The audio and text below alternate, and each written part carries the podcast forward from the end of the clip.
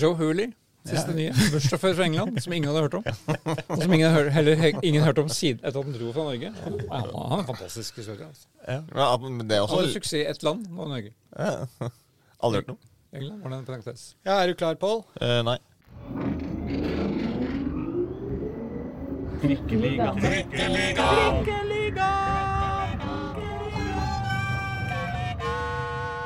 Velkommen til eh, Trikkeligaen. Vi er i sesong fire. Det har blitt episode 20. Og det er vikartid igjen, Håkon Thon, for Aslak Borgersrud, som er i Ja, vi bare vekslet oppå Dovrefjell. Jeg dro ned fra Trondheim, han skulle opp til Trondheim for å spille noe musikk. Så Er det Evert Taube igjen, da, eller? Evert Taube? Ja. Nei, jeg tror ikke han Han spiller ikke Evert Taube, tror jeg. Han gjør kanskje ikke det? Nei, han spiller med det hopp, hoppalong-bandet sitt. Ja. Hoppalong. Du spiller, de spiller hoppalong-tob. Ja, jeg vet ikke hva, men de skulle i hvert fall opp og spille. Så derfor er jeg her, og han der. Uh, så jeg, det, der brukte jeg min helg i uh, Eller ikke helg, men 16. mai i Trondheim. Reidar Solli, du er også på plass. Hvor, eh, hvor tilbrakte du 16. mai? Oslo. Oslo by. Det syns jeg er veldig sted. På restaurant eller på fotballkamp? Eller? Nei da, jeg studerte um, våre lag eh, via TV-skjerm. Nøye. Så du hadde en fin 16. mai. Absolutt. 17. mai gidder vi ikke å prate om her. Vi snakker om 16. mai. 16. mai, 16. mai er festdagen. Hva gjorde du, Pål?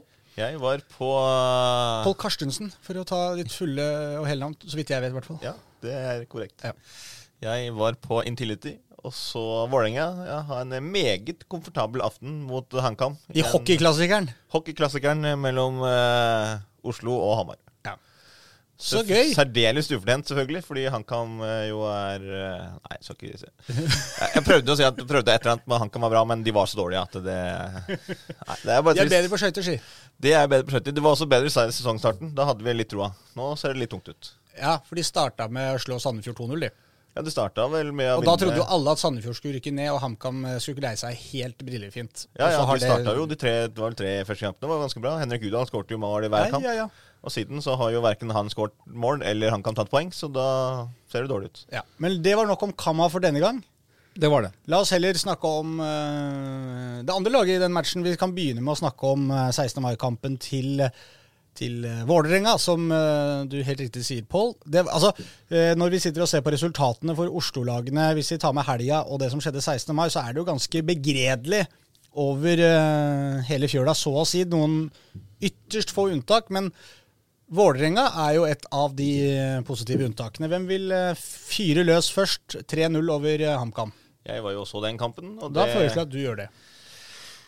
Eh, mer komfortabel kamp, det kan jeg ikke huske ha, ha vært på Intility og sett for Vålerenga. Det var eh, Komfortabel i hvilken forstand? Vålinga, At det var så lett? Ja, ja. Vålerenga, Vålerenga trengte nesten ikke å spille fotball. Nei. Og likevel så vant de overlegen 3-0. Kunne vært mer. Ja. HamKam hadde vel De hadde ett skudd som, eh, som eh, Sjøeng måtte redde. Og det var før pause. Og etter pause var det ingenting. Altså, det, det, var, det var ingenting. Vålerenga leda jo 3-0 til, eh, til pause. Ingen av laget gjorde noe som helst etter pause. Altså, det var, var bare en ren transportetappe. Så- Men er det usual suspects, for å si det sånn, hos Vålerenga? Føler når du ser målskårerne til VIF i den kampen? Jatta, Haakons, Bjørdal. Føler jeg har sett eh, liksom, denne sesongen. Det, er, det har vært mye de tre som eh, De har fått mange pennestrøk skrevet om seg. Ja da.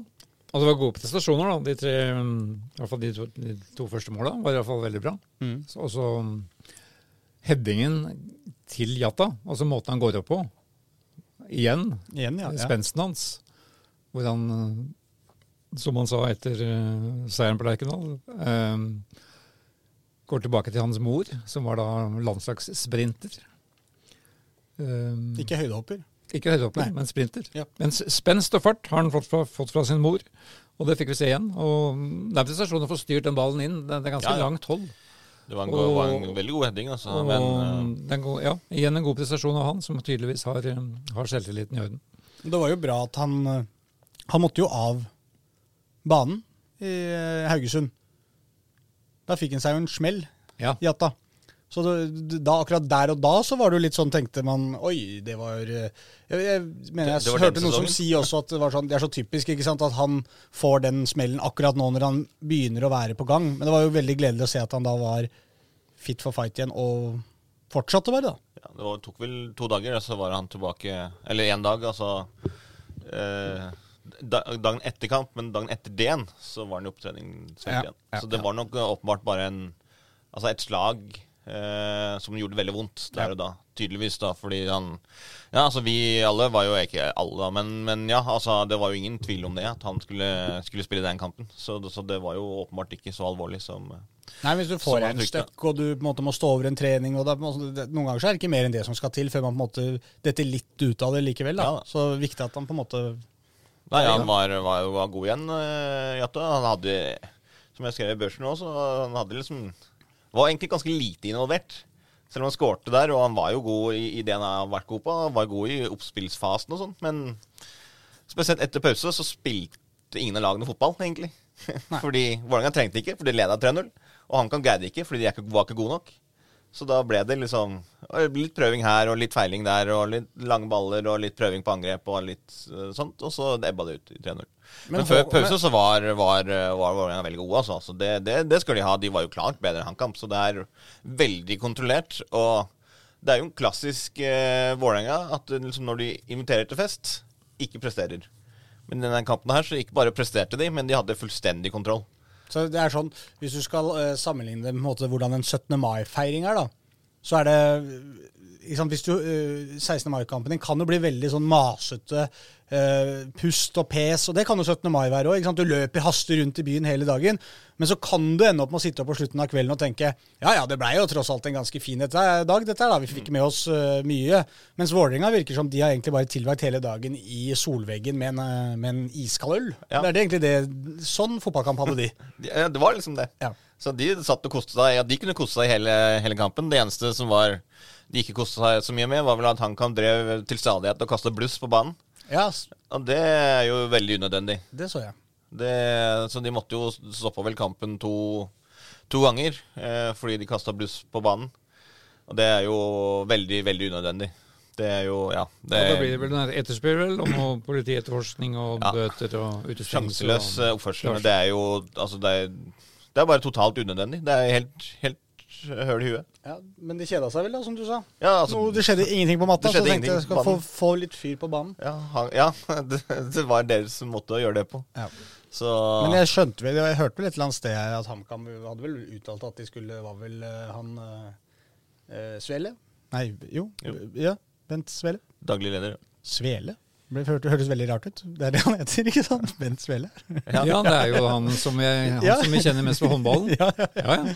Brent Svele, som han ble kalt Brent en gang. Da han Svele. stilte solbrent opp i studio nede i Brasil. Nettopp. Men, eh, men jeg leste et eller annet sted Nå var det brent kunstgress. Ja, nå var det brent, ja, brent svele igjen. Ja. Eh, at de var jo forberedt på at de skulle betale for dette her osv. Så videre, så, sånn sett for Vålerenga så, så gjør det ikke noe. Det ble vel kanskje bare vondt, fra vondt til verre for HamKam, dette her. Ja. Ja. Strengt talt. Så, men det var jo også altså, sant? eh, Det 3-0-målet var jo også et sånn eksempel på, på det de er Eller sånt. Henrik Bjørdal da var jo veldig god på den høye gjenvinningen. Spesielt nå kommer jo Simen Juklerød tilbake igjen. Mm. Og så d- d- På den sida så var det veldig gode i den altså, gjenvinning høyt i banen. Ja. For å skape, skape sjanser. Og det var jo det som skjedde nå. Henrik Bjørdal vant jo igjen ballen inne i HamKam 16 meter. Eh, tok med seg ballen litt utenfor, snudde seg, skjøt via et bein og i stolpen og inn. Og det var jo sånn, De, de vant jo igjen eh, ballen ganske høyt oppe i banen. Det var jo mange gode prestasjoner. Odin Thiago Holm var igjen veldig, veldig bra.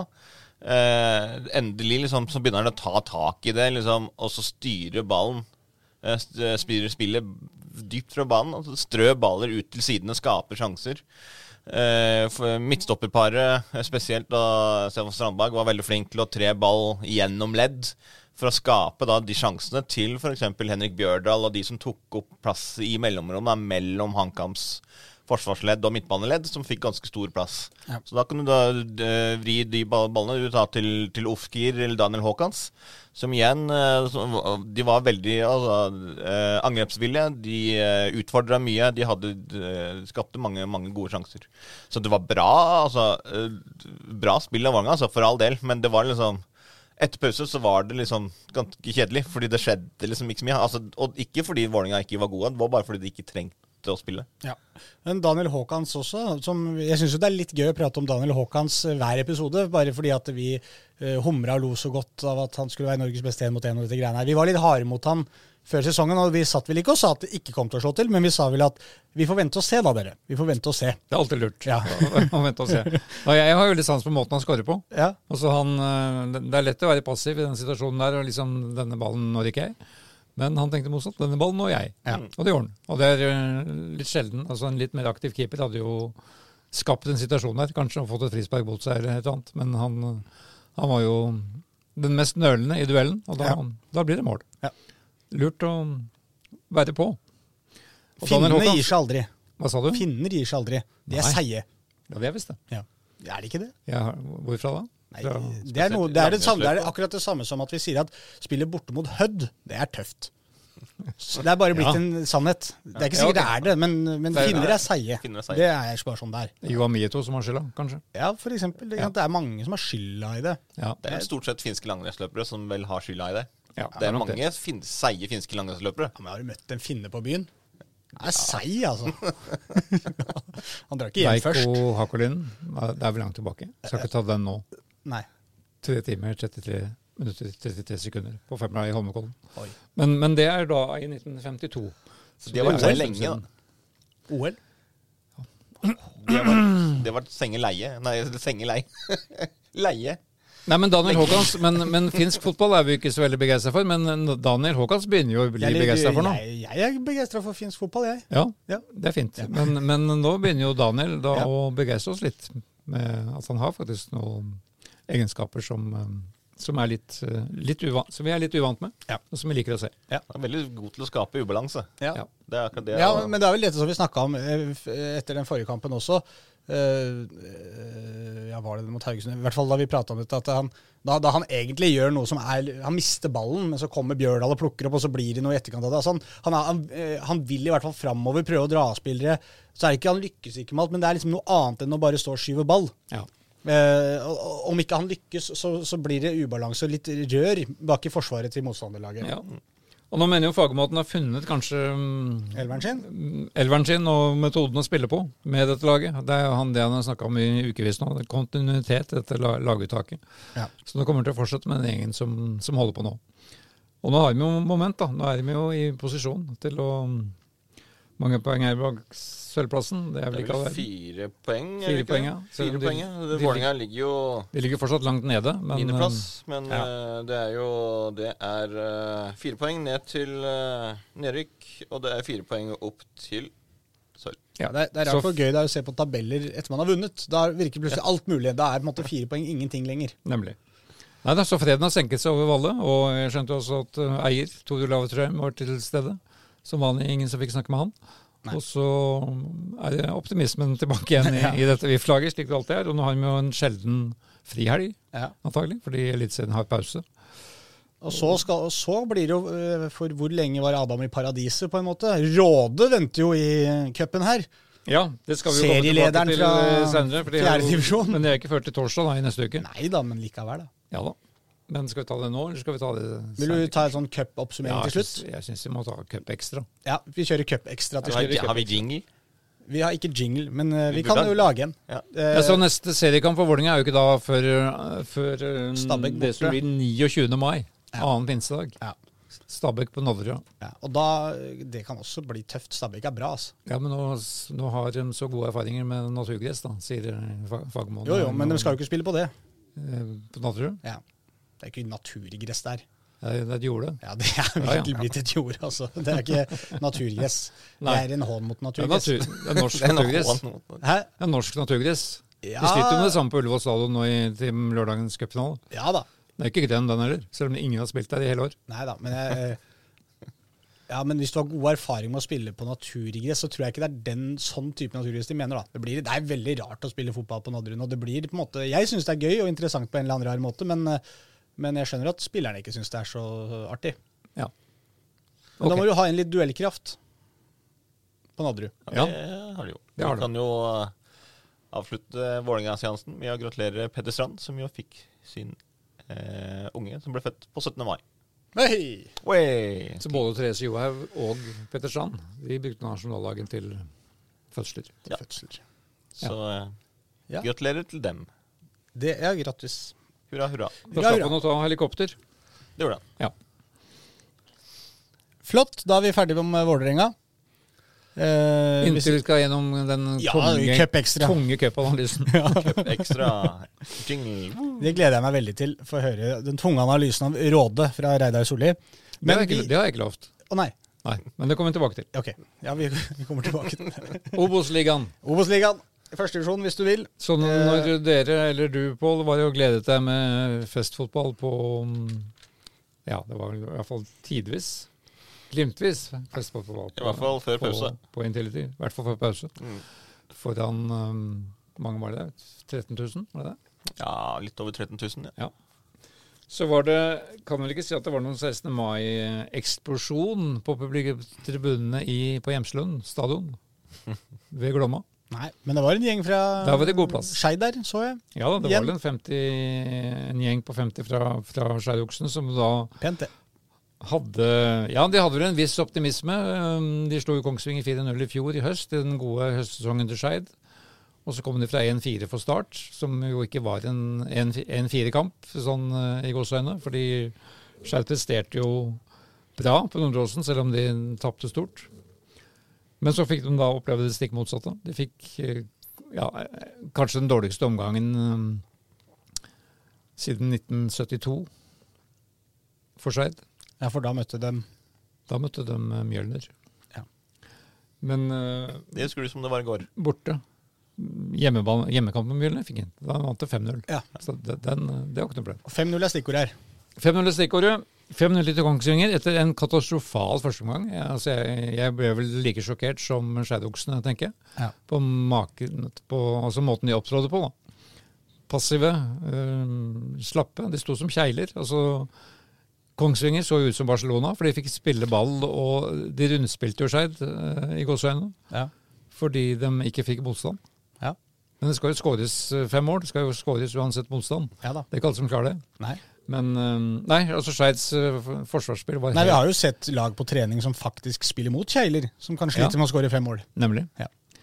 Eh, Så Skeid var eh, sjokkerende svake i sin eh, opptreden. Jeg snakka med Gard Holme etterpå. Han trodde det var både feil inngang til kampen og feil kampplan. kanskje. Selvkritisk. Veldig selvkritisk, Ja. uten at han kom med noe, med noe Colombieg på hva de skulle gjort. Men bortsett fra det helt elementære, innsats, Ja.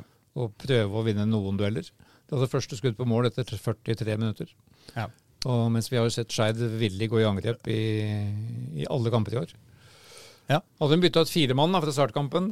Markus Melkjord satt jo på benken hele, hele matchen. Det hadde kanskje litt å si. David Hickson var, Hickson var også ute. Men øhm, ja, det kom seg jo litt etter pause. da. Det, det skulle jo bare mangle. Hvor de da klarer å for no, Noe måtte jo skje. For da bytta de jo ut uh, ytterligere tre mann. Og fikk et straffespark, med, så, hvor da de kunne kommet litt inn i, inn i matchen. Ja, for da var det 3-0. For da var det 3-0 til pause, ja. Så det kunne bli 3-1 rett etter pause der. Men Kristoffer Hoven satte da den svakt ned i hjørnet, som keeper tok fast. Så da, var, um, da tror jeg liksom gikk um, alt, alt, all lufta ut. Ja. Og så oppsummerte liksom Henning Tønsberg Andresen kampen med sin avsluttende tilbakespill til keeper, som selvfølgelig ble snappa opp Ja. Av Adam Given og satte 5-0. Ja. Eh, Given er, eh, han lever fortsatt. ja, ja, han kom inn som innbytter. Den Tønsberg Andresen syns jeg har vært en av Skeids mest positive i år. Han har vært veldig bra etter at han kom tilbake fra Ullkisa. Men han er jo en spiller som du alltid føler uh, Som er veldig jevn på en måte i prestasjonen sin. Ja da. Vel, aldri en dårlig kamp, men ikke nødvendigvis heller eh, altså, Skeid på en god dag så er ikke han på en måte Skeids beste, men Skeid på en dårlig dag så er han på en måte ofte Kan han være den beste spilleren? da? ja, ja da, han kan være det. Han, er jo, han har jo energi Ja. og, og vil veldig mye. Ja. Men eh, også han spilte jo da feil vei og mm, la opp til 5-0-skåringa. Og det var vel et halvminutt eller noe der omkring, bare etter at eh, ja, Kanskje det var litt mer, men det var ikke, var ikke veldig mange sekunder etter at Hoven hadde skutt i tverrleggeren også. Nei, da, så det, vi nevnt den. Det stemmer. Så, så da har vi nevnt de sjansene Skeid hadde. For Hoven hadde ikke helt dagen. Han, spiller, han rota jo bort ballen der på, på 2-0, som egentlig var opptakten til, til den skåringa. Ja, han straffesparket, og når han da kunne fått bota på litt, så traf, bare tverra ut. Så For det er liksom- også, også en del av historien her. Også evnen de har til å, miste ballen på egen halvdel Ja. i helt avgjørende situasjoner. Og det er, ikke, det er ikke bare i denne kampen. Nei. Det har de gjort i flere kamper denne sesongen. Ja da. Og når, når de også skal spille seg ut uh, stadig, når de var så svake og us usikre, så måtte jo dette gå gærent. Så nå blir det interessant å se hvordan, om de klarer å, å snu lua. Altså, de har jo Mjøndalen da på søndag i, på Nordre Åsen. Da må de jo vise noe helt annet. Ja. Eh, Mjøndalen som fikk en opptur, de slo vel Var det Sogndal de slo 3-0 nå?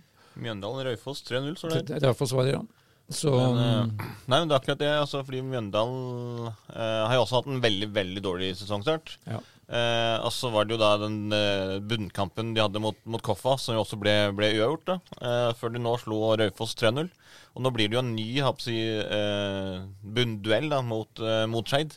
Men da må altså Skeid, eh, selv om vi fortsatt nå nå har vi jo passert 17. mai, og da begynner jo Skeid altså Hvis de fortsetter sånn, så ligger det jo ikke lenger Det er ikke lenge de ligger foran skjema.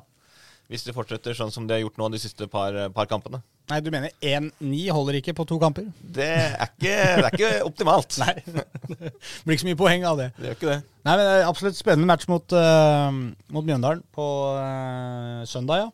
Ja, og inngangen til den kampen blir jo interessant. For det er som Gard Holme sa, han, tror at spillerne litt sånn ubevisst hadde en firetaper for start i, i bakke, men, men tenkte liksom vi er ikke så dårlige som det resultatet tilsa. Det sa jo du nettopp òg. Ja, men så fikk de da denne kampen her hvor de virkelig var så dårlige som resultatet viser. Ja. Og resultatet enda verre. 0-5 for Kongsvinger, og da, da er det der de er nå, Ja. kort og godt. Og ligger nest sist. Ja. Og det rykker jo ned med sånt spill som dette her, men eh, det kan jo, det kan jo, og det kan jo ikke fortsette. Så- Men det er jo det som er det fascinerende og frustrerende med Skeid. Det er jo at det, du føler at det laget her er kapabel til å, å gjøre så mye mer, og så, og så tuller de det bort sjøl, på en måte. Ja, nei, Med, så med enkle feil og med, med ikke sant? Altså, sånn, Du føler at det, det laget her er jo godt nok. Men, men, så, men så klarer de på en eller annen måte å tape 5-0 borte mot Kongsvinger likevel. De er, ikke, de er jo ikke egentlig så dårlige, selv om de var det i denne ene kampen. Og det hjelper jo ikke å si det hver gang at dette laget er egentlig godt nok. De, Nei, nei, nei. ikke sant? Nå har de 1-9 på to matcher, og det er Ja, ja. milevis unna. Nei, Jeg tenkte jo sånn etter, etter første kvarteret mot, mot start på Nordåsen, hvor Ja. de eh, dominerte fullstendig, Mm. så tenkte jeg når jeg så på Bendik Riise der og Torje Ja. Og Markus Melkjord, så tenkte jeg at dette må jo være en av førstevisjons beste midtbaner. Ja. Altså De, de herja jo med start og kunne gjøre hva de ville. Men så er det sånn at fotball på en måte avgjøres jo veldig ofte av eh, sånne enkle feil. da. Og vi tok det vel opp i en eller annen kamp her hvor, hvor, hvor nettopp Bendik Riise mista en ball. Og det ble baklengsmål. ikke sant? Det er ikke det at det andre, og det sa du nå om Kongsvinger òg, det er ikke det at Kongsvinger spiller genial fotball. Det ser jo ut som de spiller fantastisk Ja, ja, fotball fordi nemlig. Skeid én står stille, og to gjør enkle feil. Ja. Og det er liksom eh, Resten med Skeid de har jo egentlig et bra offensivt spill. De skårer stort sett alltid. Så lenge de er etablert i forsvaret sitt, så, så er det ikke alltid Nå var de dårlig der òg, skal sies derfor, og nå beveger de ikke beina, som du sa. Det, sånn- vi så jo på det ene målet her rett før vi gikk i studio, jeg husker ikke hvilket mål det var. Men det kommer et innlegg fra høyre side. Da er det Anders Johan Johansen som står aleine på bakerste stolpe. Ja. Med to uh, Altså, Skeid hadde sju spillere eller noe sånt inne i feltet. Seks mann på første stolpe som dekker opp de to som er der. Og så er det én på bakerste stolpe som dekker opp de to der. Og han står med begge, han- ja. begge hendene på knærne, Ja. mens uh, Kongsvinger-spillerne løper rundt, rundt den. Ja. Ja da, Sikkert litt urettferdig, men uh, det var fakta. Ja da, men, men man kan ta enkeltspillere, og man kan ta kollektivet til Skeid den kampen her. Ja. Så får vi håpe det løsner mot Mjøndalen. Det løsner er ikke så viktig. Vi har poeng, bare. Ja, bare få et poeng. Samme som det ser ut. Ja, ja. Pål skal dit. Han skal få Jeg skal også dit. Du skal også dit, ja? Ja. Så morsomt. Hey. Ja, Ja. Da kan vi sitte der sammen. holdt på. Ja, det kan vi gjøre. Kan vi komme på besøk til deg inni den TV-bua. Ja, jeg skal kommentere. Ja, det blir gøy. Skjær Mjøndalen. Da blir det seier, gutter. Ja, ja, ja. Da, ja, da går det veien. Nei. Mjøndalen, da, gitt. Hva er det for noe? Da blir det um, kjørepils da i pausen. Så det Jeg på tar- Jeg tar vanlig, jeg, som jeg pleier. Ja, du tar det vanlige. Ja. ja. Skal vi ta um, Koffa òg, da? Eh, De var på tur i eh, Fredrikstad. Spilte foran nesten 7000 tilskuere der. Det var sikkert eh, gøy, men ikke så gøy at de måtte gå både målløse og poengløse av banen etter at de slapp inn nok en gang på en corner. Ja, dette irriterer eh, Johannes Mosgaard sånn passe. Ja, det, irriterer meg eh, Deg også, Ja. Ja. Ja, eller akkurat den, denne her er greit, kanskje. Eller denne runden. Nei, det viser seg at å, å score på Fredrikstad stadion det er en av de større utfordringene i år. da. Ja da. Der skåres det jo nesten ikke mål. Nei. Heller ikke av Fredrikstad. Nei, ikke av noen. Så, og det klarte heller ikke K5. Og det var vel ikke noen sånn sjansebalanse denne, denne gangen heller. Nei, da, selv om Skoffa hadde, noe, hadde noen sånne småfarlige avslutter. Han derre Okeke syns jeg har vært veldig bra for dem, egentlig. Altså, han har vært så livlig. og Hvis du ser hvis du går gjennom og ser alle kampene til Koffa har spilt eh, denne sesongen, og du ser mål og høydepunkter, så er han involvert i nesten alt da, som KFM eh, skaper. Enten som sånn eh, andreassist, førsteassist eller målskårer eh, selv. Så han syns jeg har vært eh, veldig positiv for dem. Så er det Det- litt synd at det ikke det virker som de ikke helt klarer å få i gang Sånn han Petter Nåsa eksempel, og disse gutta her. Det er liksom Han ble jo, men han ok, ikke ble henta for å erstatte Petter Nåsa da, Ja da. Dahl. Og det er litt, litt morsomt at han, han er jo da visst et helt annet nivå Ja. enn Petter, som fortsatt er i klubben. ja.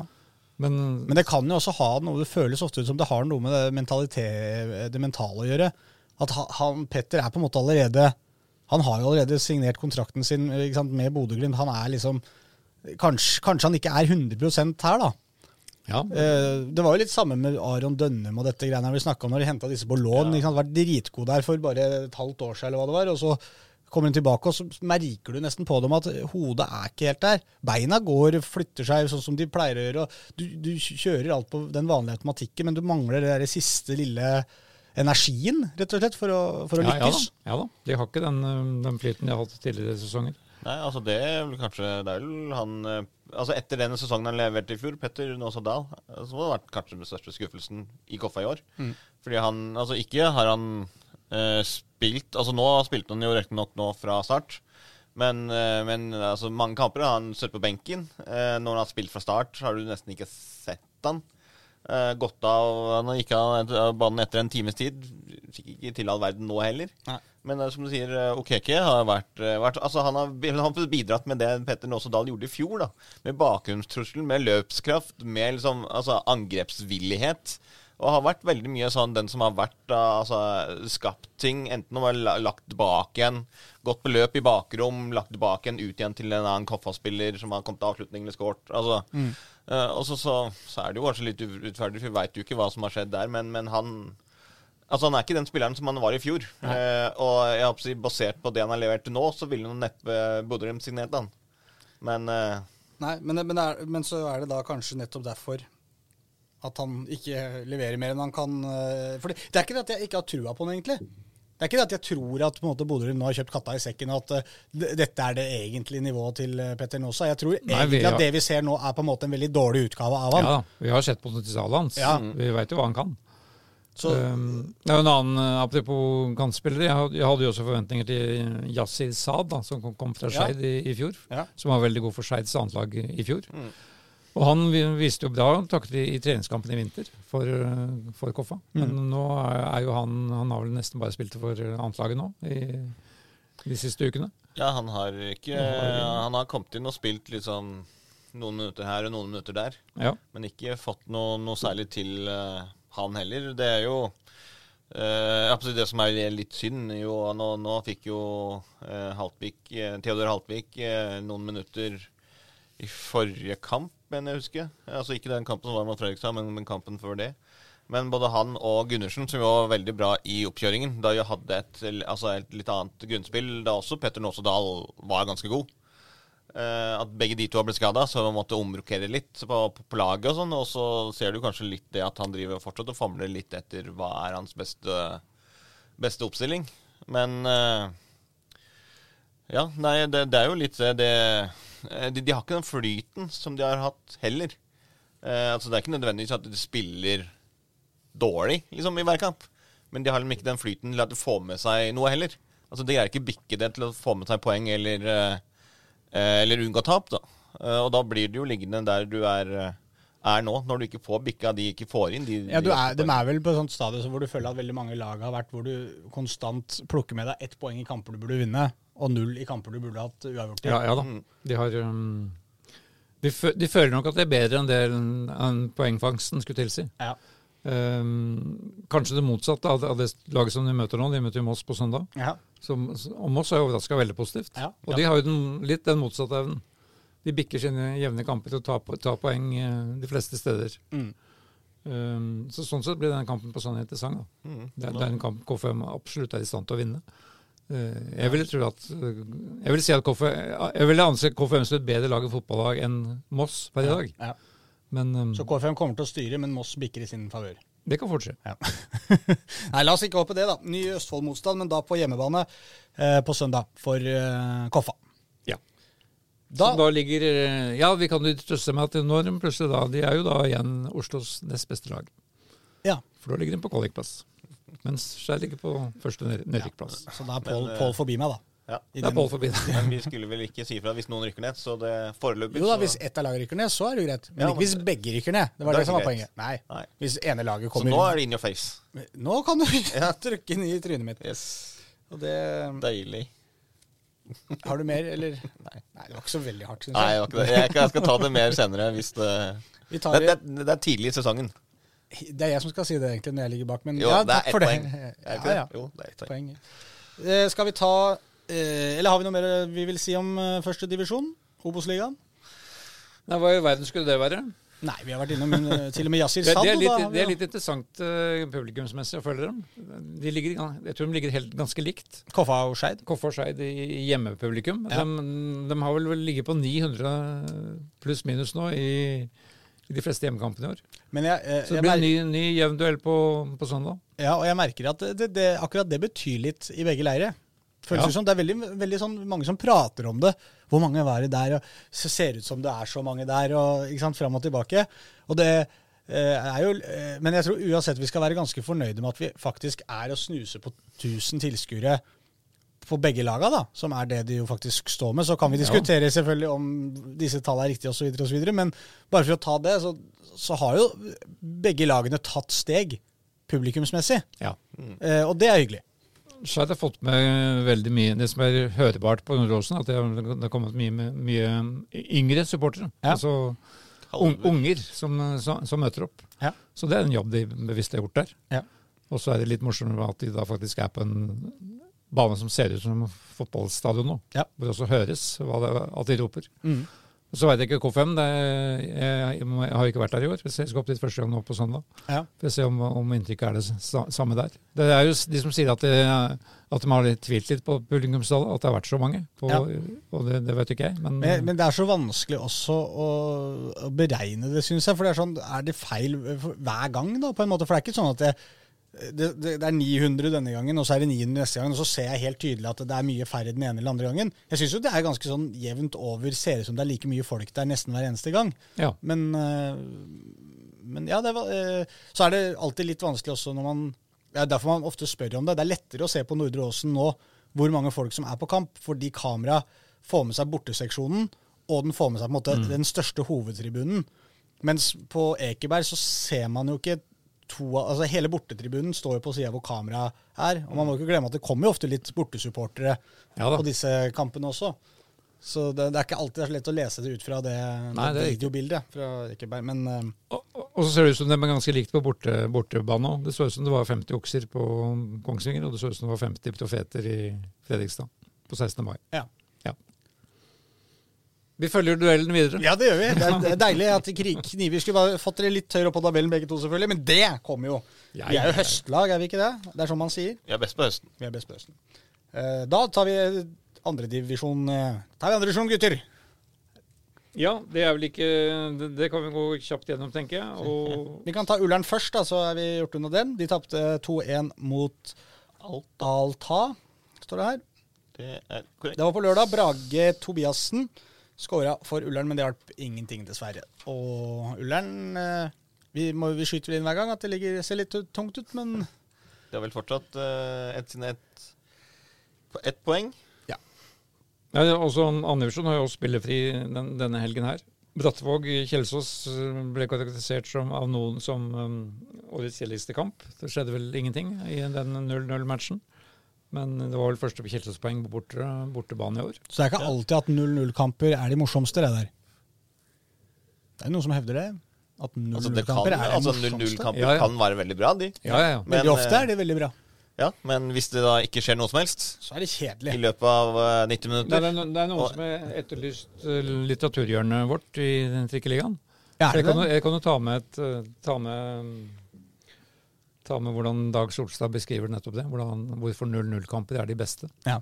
Mye mye bedre enn f.eks. 4-4, som er helt useriøst i, i fotball. Hører ikke hjemme. Men uh, det kan vi ta senere. Å ja, vi skal, ta, vi skal ikke ta det nå. Nei, for da måtte jeg tatt med boka til Dag Solstad. da vil han beskrive dette. Da tar vi med det neste Han gang. da. bruker jo tre sider på å beskrive hvorfor 0-0-kamp er bedre enn en 4-4-kamp. Men det syns jeg vi skal ta Det skal, synes jeg vi skal gjøre. Ja. En beskrivelse Jeg kan jo tenke meg til altså, Det høres jo ut som en, et sitat fra en fotballtrener. Det er jo ikke sikkert at treneren er så misfornøyd når det er 0-0. Det er solid og godt, slipper ikke til noe bakover. Det er det, det ofte trenere er fornøyd med. De Ja, også er nei, men, veldig men, men Solstad tenker jo på fra, fra tilskuerens ja. perspektiv. Ja. Og det er jo mer Også hvor den spenningen som lever absolutt hele tida. Ja. Og én scoring Det er fascinerende at, at bare én scoring er nok. Men det, er, men, det kommer er, men det er det som er Hvis du, hvis du hører resultatet 0-0, så aner du ikke hvordan kampen har vært. Og da kan det potensielt ha vært gørrkjedelig òg. Ja. Men det kan, jeg er enig når det står og vipper på 0-0, og det, begge lag prøver å angripe litt, og det er situasjoner, og det er trøkk og taklinger og frispark og dødball. alt Fire stolpeskudd eh, Ja. på hver side. Ja, ikke sant? Da er det jo det beste som finnes. Det er jeg helt enig i. Ja. Dette kommer vi tilbake til. Eller hvis jeg skal ha optimalisert det, en avgjørelse helt på tampen. 1-0 til et av lagene. Helt på tampen. Ja. Okay. Ja, men da er det ikke 0-0 lenger. Nei da. Så jeg kan, godt, jeg kan argumentere for at 1-0 eller 0-1 kanskje er enda litt bedre. Ja, ja, ok. Men vi er alle enige om at gode fotballkamper det er morsomt uansett hva stillinga blir. Og hvor, eh, hvor, Hva er vel morsommere enn å vinne 1-0, da, som jeg nettopp sier? Og da tar vi Grorud kanskje like så godt. For det var ikke så mye å si om Brattvåg Kjelsås. Nei. Og der, eh, Men eh, Fløy Flekkerøy mot Grorud, der ble det altså 0-1. Altså seier til Grorud. Ristov, eneste målskårer. Og litt gøy, eller gøy, jeg vet ikke om- hvordan man skal karakterisere det, men Josias Furaha, som eh, jo spilte flere sesonger i Grorud, har kommet opp gjennom den klubben. Han er jo på lån i Fløy Flekkerøy, Ja. fra Jerv, ja. og ble utvist. ja. Ja. Nei, men Grorud, det, det er litt sånn uforutsigbart nå hva vi skal mene og tro, tro om det laget der. Det, Ja. det virker som det varierer veldig fra, fra kamp til kamp. Det gjør det. Men øhm, jeg har vel en følelse av at grunnspillet deres er brukbart. brukbart. Ja. Og øhm, at de skal være med i denne kampen på, på øvre, øvre halvdel der. Og så har de slitt de sleit jo veldig lenge med å skåre mål. det selv om de har spisser som, som har gode egenskaper. Ja. Men så jeg tror fortsatt at Grorud har større potensial enn det de har fått vist. Men det handler jo litt om for Grorud nå. Sånn, sånn tre poeng borte mot Fløy nå, det er jo sånn, det er sånn helt avgjørende. fordi de prøver, nå er det, det er så viktig for dem å bare få samla opp litt poeng. Så er det ikke så viktig åssen det ser ut. Men sånn at, nå er det jo en prosess hvor de skal prøve på en måte å, å finne ut av hvem de er litt med, den, eh, de spillerne de henta med, trener med, alt dette her. Eh, og så er det, Derfor er det så utrolig De kan jo gjemme seg bak 0-0 mot Fløy er ikke så gærent. ikke? Da, da får du ett poeng, og vi kan fortsette å jobbe videre og bli bedre. Men når de tar disse trepoengerne som det der, det blir noe helt annet. For plutselig så ligger du pent på tabellen. Eh, sommeren kommer. Og hvis du ligger i posisjon da du hele tiden har utvikling i spillet ditt, så kan jo Grorud bli knallbra på høsten. Ja, ja. Og plutselig så er de med i den kampen. Ja. Det, men, men hvis de ligger på en måte 10-15 poeng bak toppen, når, når de virkelig har fått satt spillet sitt, og, og, og det begynner å lukte svidd av dem, så, så er det for langt opp. da, og da, da kjenner de, da, Det kan man kjenne på som spiller sikkert også, at hvis de ser på tabellen Oi, vi er bare fire poeng unna nedrykk. vi er et bond, Du begynner å tenke at du er et båndlag, selv om du faktisk har utvikling i spillet ditt. Så det at de på en måte legger seg pent til på tabellen, i, i litt sånn angrepsposisjon, jaktutgangspunkt, det kan eh, gagne dem, og det kan eh, bli veldig bra det for Grorud. Spennende å Jeg, se. jeg tror det blir morsomt helt inn der. For jeg, jeg kan ikke se at uh, verken Arendal eller Egersund er sånn lag som kommer til å vinne alt. Nei. De, de, de taper jo poeng underveis, de òg. De de virker ikke kjempestabile. Det, det er ikke sånn uh, Nei, det er ikke, noen, det er ikke noe sånn Det er ikke sånn som Lyn var i tredje divisjon i fjor, f.eks. Uh, ja, og nettopp Lyn, de Ja, Arendal slo Lyn nå på overtid eh, på lørdag, det også. Ja. Um, som bare bekrefter det at det er um, Jeg tror Gro, Gro, nå, Hvis Grorud får, uh, får den flyten som de hadde mot Fløy Flekkerøy, um, og får i gang de målskårerne sine, så er de gode nok til å være med i, i opprykkskampen der. Skal vi ta litt om uh, Arendal og Lyn? For det var jo en uh, veldig dramatisk kamp. Det kan vi godt. Det har vært veldig mange eh, av de type toppoppgjør nå. Altså sånn Egersund spilte jo mot Arendal. Eh, Lyn har jo spilt både mot Egersund og Arendal. Eh, det, altså, våre lag har jo vært involvert i de kampene. Nå var det jo Det, det blir mye toppoppgjør når måte, du føler at halve ligaen egentlig Ja, ja. er med i topp. Men eh, nå var det jo da eh, borte mot, mot Arendal. Eh, det var jo eh, eh, Arendal hadde jo gitt ut masse gratisbilletter. Det var masse folk på, på kamp. Det var liksom skikkelig toppoppgjørstemning også. Eh, mellom to, to gode lag. Eh, Arendal tok ledelsen etter ja, en time spilt. Litt over 20 minutter før slutt med Mathias Johnsen. Eh, og så fikk jo Lyn straffe på overtid eh, med Ibba Lajab, som jo satte inn den, slik at det ble 1-1. Og da trodde du liksom at Lyn hadde greid å komme tilbake igjen og fått med seg ett poeng fra en vanskelig bortebane. Eh, men så skårte jo da eh, Arendal igjen, eh, tre minutter på overtid, eller noe sånt, Ja. Og fikk med seg alle poengene. Ja. Til at Lyn da sto tomhendt igjen. Eh, og det er jo eh, fra, å, å gå fra liksom den derre å, å kjempe og eh, prøve å få med seg et poeng og liksom få det til på overtid. Mm. Så da har du liksom den derre nesten liksom at det er en seier-følelsen. Men at du da ah, glipper det igjen og taper og ikke får med deg noe som helst, da blir det liksom enda tyngre. Ja. Eh, og det er jo nå eh, altså Etter at eh, de har jo tapt for eh, De har jo tapt for mange av egentlig de største rivalene sine, sånn i opprykkskampen, Lyn. Ja. Og det er jo eh, Hvis du skal være med helt der oppe, hvis du skal kjempe om de to øverste plassene, da, enten direkte opprykk eller playoff, så er det jo de kampene du må eh, Altså i hvert fall ikke tape.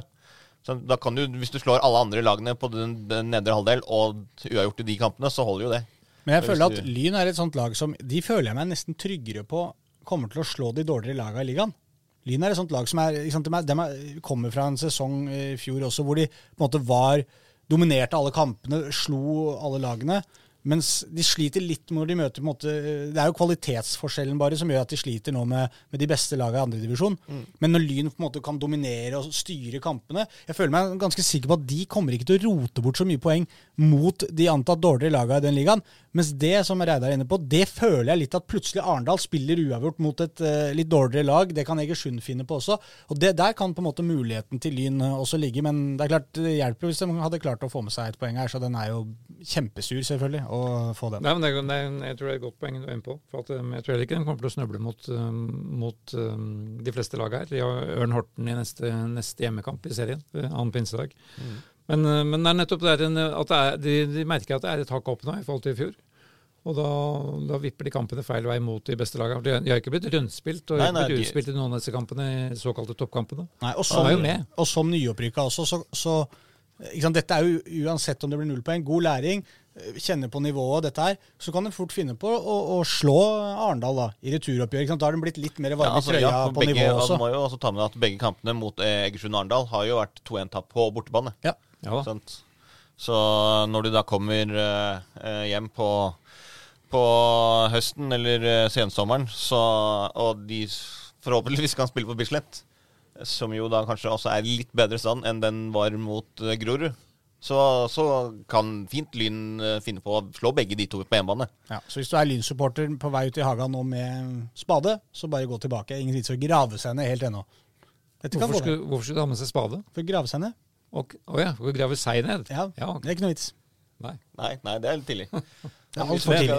Nei, vi har trua på Lyn. Ja, Ja, ja. vi har det. Det er én ting da vi skal Ja. ta med fra Kjelsås Brattvåg, som vi jo ikke nevnte. Så er det jo at Kjelsås med det ene bortepoenget gikk forbi både Grorud og Lyn på tabellen. Ja. Og er nå da best av våre lag i den, eh, i den avdelingen. Mange, fordi mange eh, poeng er opp. det er, eh, de har vel 16 poeng, eh, Egersund. Og så de, eh, det er vel 10 poeng. Eh, 10 poeng på Kjelsås og Grorud. Ja. Så er det 9 poeng på Lyn og Vålerenga 2. Og hvis Ålesund slår på tråden til Eivind Kampen, så og de mister han, så er jo, blir det trøblete for Kjelsås. Ja, altså, men Kjelsås kommer jo til å havne midt på tabellen. Men det var jo det vi snakka om før sesongen. Vi, vi hadde jo tro både på Kjelsås, Grorud og Lyn i den eh, øv, øvre halvdel på den tabellen der. Og det, Ja, Vi sa vel egentlig ja, Jeg hadde vel tro på øvre halvdel og et eh, realistisk håp om at vi skulle ha alle helt og kjempe om den Ja. gjeveste plassen nå. da. Ja. ja. I hvert fall en, en god stund.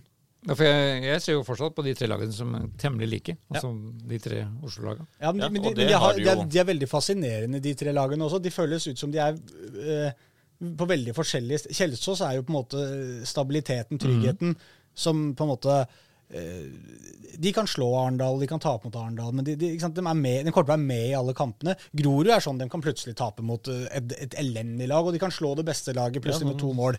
Slo uh, Tapte 4-0 for Ørn Ja, Det er det motsatte Grorud. Og så I Kjelsås er det slo de- motsatte ja, og Så har du Lyn jo som ligger et Lyn eller annet kampen sted før. midt imellom. Ja. Mm. Så fascinerende egentlig alle de tre lagene. Og gøy, det har egentlig blitt en gøy eh, serie det der nå. Ja, Som ja. vi håpa på. Så kan vi jo ta med at uh, Vålerenga 2 da, gjorde som de vanligvis pleier å gjøre. Bortebane. Stilte med veldig redusert mannskap. Denne gangen med Vitinho. Ja, Victor, mener du? Ja, Som det sto på en lagoppstillinga jeg så. Victor. Victor. Topp. han uh, spilte. Det hjalp ikke så veldig mye, for de tapte 3-0 og var klart dårligst. Så Ja. de Men nå kommer hjemmekamp, vet du, så da, da, Men da det får, både, det, det får jo både vi og de spørsmål om hva skjer med den eh, brasilianske historisk første brasilianeren i Vålerenga. Ja. Kommer han inn i A-troppen noen gang? Noen gang, kanskje. Ja. Men det Det er Altså jo gøy at de har en brasilianer de har henta for å spille på andrelaget. Ja. Det er jo fascinerende. Men det er jo det er ikke altså, Alansinho dette her foreløpig. Nei. Men, eh, men han trenger jo eh, Det er jo åpenbart han trenger jo litt tid også for å tilpasse seg både altså en annen kultur, annet liv, eh, språk Altså det er Men hvorfor henta masse de inn da? Forskjeller. Eh, altså han altså, Han må jo tilpasse seg uansett om du henter den eller ikke, på en måte. Det kan hende vi sitter her om et år og snakker om hvor genialt det var å Ja, ja, ja, la denne gutten få utvikle seg i ro og fred i, i Vålerenga. Det kan hende. Og det er jo akkurat det. Men av det vi har sett Ja, det jeg har sett da på, på Vålerenga 2, så altså, han har eh, noe Altså, du, du ser at det har noe. At det er noen Han har spilt fotball før, liksom? Ja, teknisk repertoar og finteregister, og at det er noe liksom, som er der, som kan foredles. Ja. Men, men at det er ganske langt eh, fram til at han skal spille noe på Vålerengas førstelag foreløpig. Ja. For han du ser spesielt defensivt. Han roter vekk veldig mye av ballene eh, på, på A-laget. Ikke kjempegod eh, altså defensivt, eller liksom tar de der, der løpene der. Så det er mye igjen før han eh, eh, får sjansen i Eliteserien, tror jeg. Men det er, det er en del spennende ting offensivt. Så hvis vi greier å, altså, eller hvis Vålerenga greier å få satt det her sammen og få eh, for, få lært han litt hvordan Vålerenga spiller, og han, han kommer liksom over den der kulturbarrieren og, og litt sånn språkbarriere, så kan det jo eh, bli noe, men gjerne kanskje ikke før etter sommeren, tror jeg. Ja. Nei, for det er, jo, det er jo heller ikke plass på det VIF-laget nå, når, når de fortsetter å vinne. Nei, Så nei, jo Fag. Fagmo endrer ikke på den offensive nøkkelen i det laget der. Og nå må vi jo nevne i samme sleng Omar Bulli, for han, han er det også mange som venter på. Og han spiller vel heller ikke for annetlaget, så da betyr det at han også har en lang vei fram. Ja, men han har vel Er han ikke skada, da? Eller? Jo, han, er, han ble- ble skada um, Han er jo fortsatt så Jeg traff han faktisk i uh, heisen eh, før HamKam-kampen. Og da snakka han fortsatt om at han fortsatt jobber seg tilbake fra, fra den skaden. Ja. Og at han ikke er kvitt den helt ennå. Eh, så han må jo bli ferdig med den først. Og så må han komme seg inn på Vålerenga Ja, for 2 han- for å få noe kamptrening. Ja, men han er ikke, han er ikke så langt unna en A-lags... Altså sånn, han, han er ikke så langt unna at han ikke får plass på andrelaget. Altså, Omar Bola hadde spilt altså, på andrelaget ja, hvis han kunne. Hvis han hadde vært skadefri, Ja, ja. så hadde han spilt på andrelaget. Ja. Uh, og hvis han spiller på andrelaget, så er det jo sånn at du kan komme inn og få noen, noen minutter her og der for førstelaget. Ja. Men sånn som vi ser nå, altså så bra Magnus Bjerk Risnes f.eks. har spilt, Mm. så er det ganske langt eh, opp til en plass på, på førstelaget. Mm. Fordi du skal jo Altså, Henrik Bjørdal og Petterson er jo bankers. De kommer til å spille uansett. Det samme gjør Odin Tiago Holm. Sant? Og så har du Magnus Bech Risnes eh, bak der. Og så har du gjerne Fredrik Joldrup Jensen, som du setter inn. Sant? Så, så det er ganske langt fram for å få en Men det er jo alltid sånn da, når et lag, når et A-lag vinner og spiller god fotball, og sånn, så, så føles det jo langt opp. Og så taper plutselig Vålerenga tre kamper, og så er det plutselig ikke så lang vei likevel til at du får litt mer tid, da. Ja da, det er Det er jo, det er jo sånn det fungerer. Ja, er- han må jo først, som du- Pål sier, han må jo først komme seg inn på dette annet laget til VIF. Og, og det er han foreløpig ikke i stand til. Greit, da toppserien. Eh, vi kan jo, siden vi er eh, i eh, Vi har snakka om Vålerenga nå, så vi kan jo fortsette, for det gikk bra for VIF damene også. Ja da, fordi uh, toppserien må jo bare gønne på for å rekke, rekke alt dette her før, før de skal til VM i, i sommer. Så de er jo da en av de få ligaene som har kamper kommende helg. Men de spilte jo da sist helg, det er jo lenge siden nå, men, men Vålerenga-Lyn endte jo 4-0 Mm. Uh, forrige helg. Og det var en litt pussig kamp, for der kunne jo Lyn leda 2-0 ved pause. Tror det har vært veldig bra. Uh, jeg vil si at det kanskje var års, nesten årsbeste, den omgangen de viste på Intility Ja. hvor de gikk eh, aggressivt til verks og fantasifull fanta, Nei, ikke fantasifull, hva heter det? for noe? Jo, Eh, hvis de, var, hvis de hadde jo, mye fantasi. Hvis de var fantasifulle, så var de kanskje fantasifulle. Nei, interessant og, og interessant moment ved den kampen var at Guri Pettersen var tilbake i mål for, for VIF. Som jo kjemper desperat for å komme i VM-troppen. Ja, men er ikke Men hun, hun viste jo da redninger av meget høy klasse. Det var, Ja, okay. det var hun som eh, det var hun som redda Vålerenga fra å ligge under ved, Hvorfor bytta ved, de keeper, Ved, ved pause. Nei, altså det Eller hvorfor har hun fått sjansen? Er det skader eller suspensjoner? Eller Nei, det taktisk? ing- ingenting. Det er at taktisk? de, de, er um, De vurderes jo som jevngode, egentlig, de, Ja. to, de to keeperne. Så det var bare hennes tur nå, rett og Ja. slett. For å prøve seg. Så um, det er interessant hvordan, hvordan det der håndteres videre. Men um, som Men en god kamp av hun, da. God kamp av henne, um, som gjør at hun kanskje også får muligheten på søndag mot Stabæk på Mm. Borte. Vi får se. Um, men kampen var som sagt Resultatet var bedre enn det man skulle tro for Lyn, for Lyns del. Selv om de var selvfølgelig fryktelig skuffa etter 0-4 mot erkerivalen. Ja. Det, um, men uh, de, de klarte å evne å ta med seg den, um, den første omgangen, om at det var uh, noe av det bedre de hadde gjort. Og, da, for det var det han da altså Lyn har jo en merkverdig um, praksis med disse trenerne sine. Ja. For det er alltid interessant hvem- hvem, snakker med TV etterpå. Og det er da vist seg å være Jørgen Reikerås som snakker med, med TV. Ja. Og han er da oppført som, um, som kontaktperson i Lyn. Og kamprapportering. ja. Så han uh, rapporterer da til TV 2 etter kampene. Mens ingen trenere er satt opp som ifølge Nå, nå bare leser jeg fra NFFs oversikt om, om, om, om um, informasjon om hvert lag. Ja. Lyn har ingen hovedtrener, men de har to assistenttrenere. Ja. Det er altså Oddbjørn Sindland og Mason Minister. ja. Men de hører, de, vi, de hører vi aldri noe til. Nei. Men kontaktpersonen Jørgen Reikerås uttaler seg, men, eh, men han uttaler seg, mm, så langt jeg har sett, faglig, faglig veldig presist okay. og korrekt. Ja. Og Lyn har et spennende lag. Altså, eh, Anna Aahjem er vel fortsatt langt oppe på toppskårerlista der i divisjonen. Ja, det var jo da en, eh, en toppskårerduell mellom henne og Karina Sævik i den kampen som, eh, som var nå. Eh, Nå skårte jo Karina Sævik, så nå er det Ja. Karina Sævik som, som leder med, med ti mål foran eh, Anna Aahjem med åtte. Og nummer tre på den lista er Olaug Tveten med fem. Så det er mye Det er Oslo-tungt. Det er Oslo-tungt i, i toppen der. Det er det Ja, også da- flest gule kort med Julie Jorde, også for Lyn. Da hadde jo, det var vel ja, flest Nå husker jeg ikke om det var NRK eller Det er K- Karen, det er eh, Karen Vistnes som da spiller på eh, Åsane. Men det er jo da litt interessant. Jeg husker ikke om det var NRK eller TV 2 som hadde, hadde et eh, veldig bra portrett på Anna Aahjem her. Um, som da viste kontrasten mellom henne og Karina Sævik, som jo er jo fulltidsproff i Vålerenga. Ja. Og er proff som i, i Eliteserien. Um, Anna og er- jobber som politi i Oslo. Går nattevakter, dagvakter, når som helst. Jobber turnus og er toppskårer på Lyn. Og setter kasser i helgene. Kass- Setter kasser i helgene. Og er, eh, ja, så de lever i to verdener, disse klubbene. Men, eh, men eh, Lyns evne til å utvikle spillere, den, den er imponerende. Og Ja, den er kan kjempe, kjempebra. Det er jo det, er jo, det har den vært alltid. Altså, De greier alltid å få opp unge, nye talenter. Uansett hvor mange de, de utvikler og sender videre, så kommer det alltid nye unge talenter opp i det, det Lynakademiet. Og du kan jo si ja, så mye du vil om, om Kringsjø og banen og ikke kan spille og det er forferdelige forhold og sånn, men utvikle sp- fotballspillere, det kan de. Ja.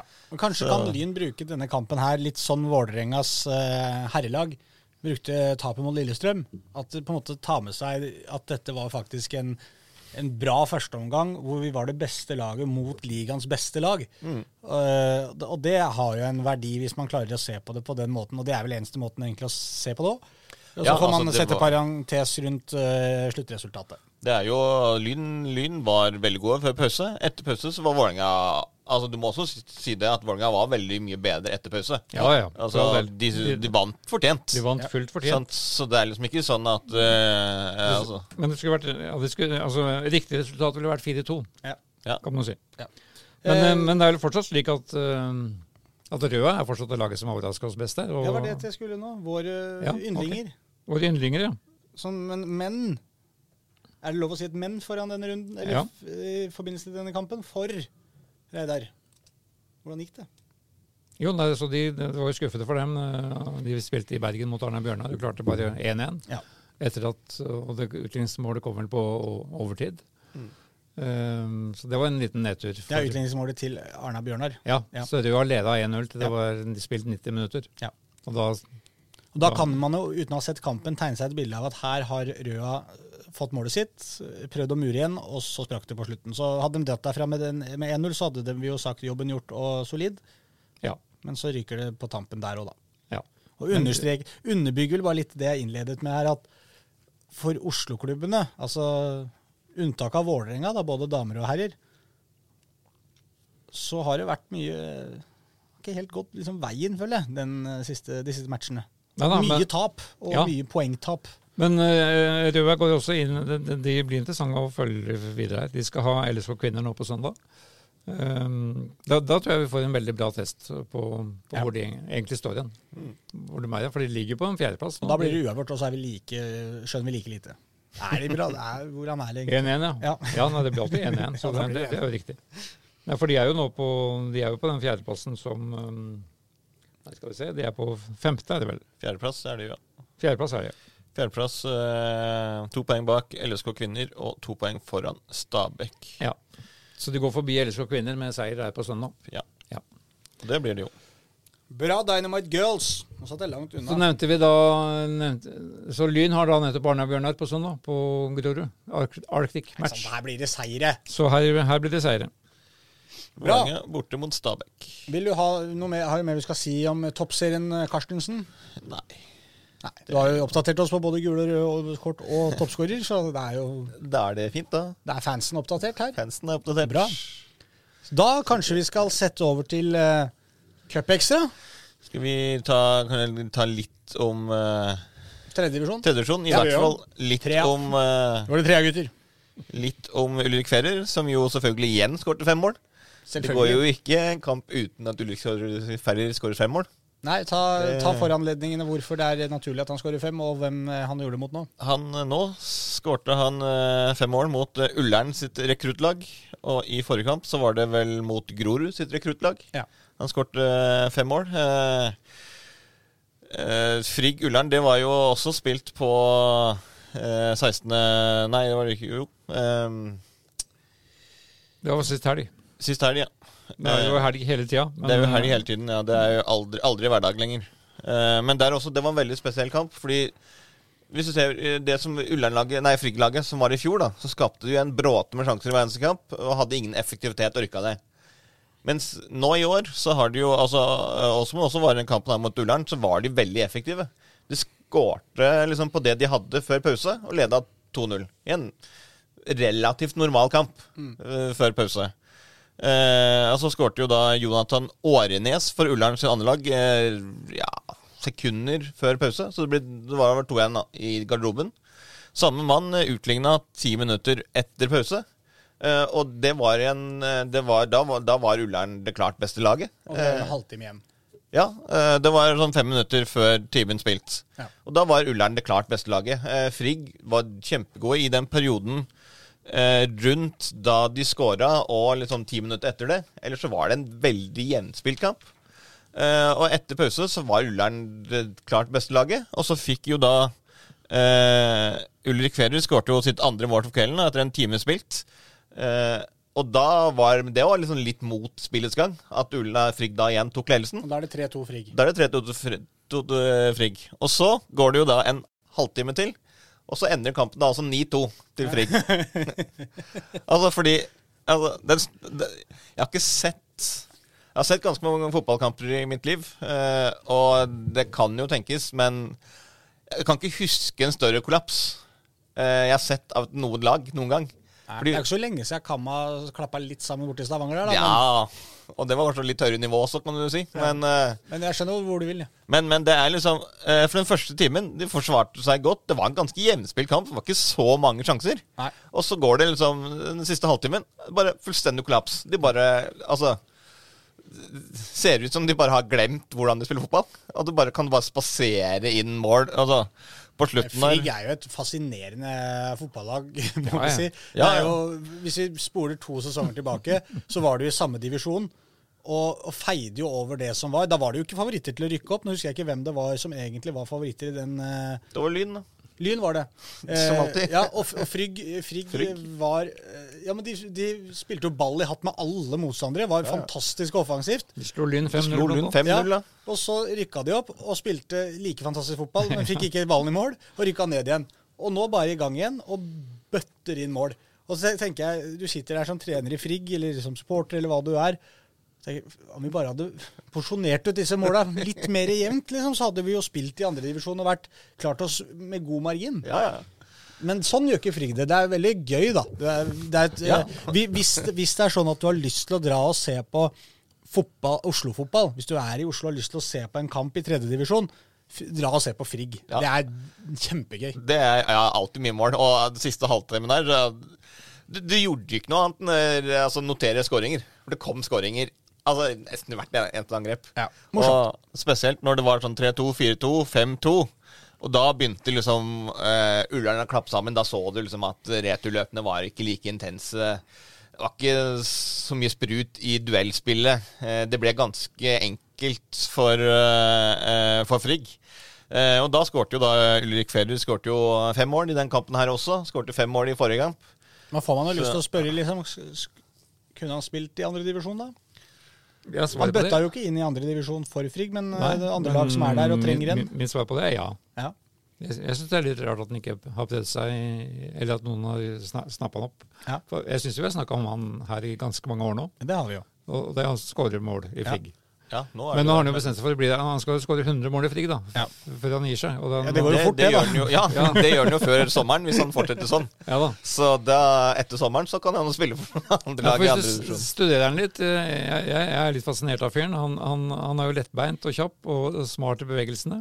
Han skulle jo skåra åtte mål mot den siste nå. Ja, ja, han kunne jo de to ja, ja. siste.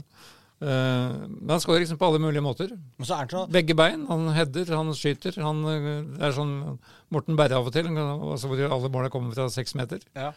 Um, veldig smarte bevegelsene. Ja, så er han, så, han, han ser så slepen ut på det. Han ser så, litt sånn majestetisk nesten ut på Ja, banen. ja. Synes jeg, og veldig sånn avslapp, Virker som han har veldig avslappa forhold til å spille fotball. på en måte. Han virker sjelden stressa. på en måte, Han er en sånn spiller som jeg kjenner selv at når jeg spilte mot, hadde mislikt veldig å møte. Litt sånn du takler han, vinner ballen fram. Det ser ikke ut som han egentlig bryr seg. Han, bare, han, han drar seg forbi deg neste gang istedenfor. Ja, det er litt sånn tefloneffekt på han. Ja. Det er riktig, det. Det, Du ser at han er altså På det nivået her, i hvert fall med Frigg. Er en, en klassespiller. Er Friggs, han er jo Friggs klart beste spiller. Og han gir det laget så mye. Men det er jo litt sånn som dere snakka om her tidligere. Eh, de, de hadde jo også Vital Kaba i Frigg. Som jo har bøtta inn mål i tredjedivisjon for Frigg hver eneste gang han har vært i Frigg. Kommet opp på et høyere nivå, ikke fått det til. Ja. Det gjorde han jo ikke i fjor. og, og det har jo noe Og det gjorde han ikke gangen før det heller. Nei, nei da, han har, til, han har til, de ganger, til de grader prøvd. Ja, Ja, ja. og, og det kan være sånn med, med Ulrik Ferrer også. Ja, for Altså- jeg tror det har noe med at vi? Det er jo en grunn til at de som spiller på topp hos Frigg i tredjedivisjon, skårer mye mål. Det er fordi Frigg som fotballag og med trener og alt spiller en jævlig god, fin, offensiv fotball som vil skape mye. Og, og, men det er klart, du skal skåre de måla. Det er ikke det, altså, jeg tar ikke noe fra Ulrik Ferrer, men det er bare Det kan jo se ut som at det å være spiss på Frigg kan være en takknemlig oppgave også. Ja, ja jeg skjønner, skjønner hva du vil hen, men, eh, men, Men så har du jo også Petter Nåse Dahl, som jo også spilte i Frigg sammen med, med si, begge de, de to nevnte herrer, Ja. eh, før han da gikk til, til Koffa, som jo da må sies at han tok jo det steget i fjor eh, på en glimrende måte. ja, da. Og det var jo da, Men det er kanskje det som er trik trikset. At de må bare hoppe over andre divisjon. Kanskje det. det det Vital Kaba og Ulrik Ferrer eh, burde gjøre. Bare Ja. hoppe over andre divisjon. For det, i andre divisjon trives de ikke. Ja, ja. Prøv dere på første divisjon, da går det bra. Men Koffa bøtte jo ikke i mål om dagen. Nei, ja, de trenger jo en spiss.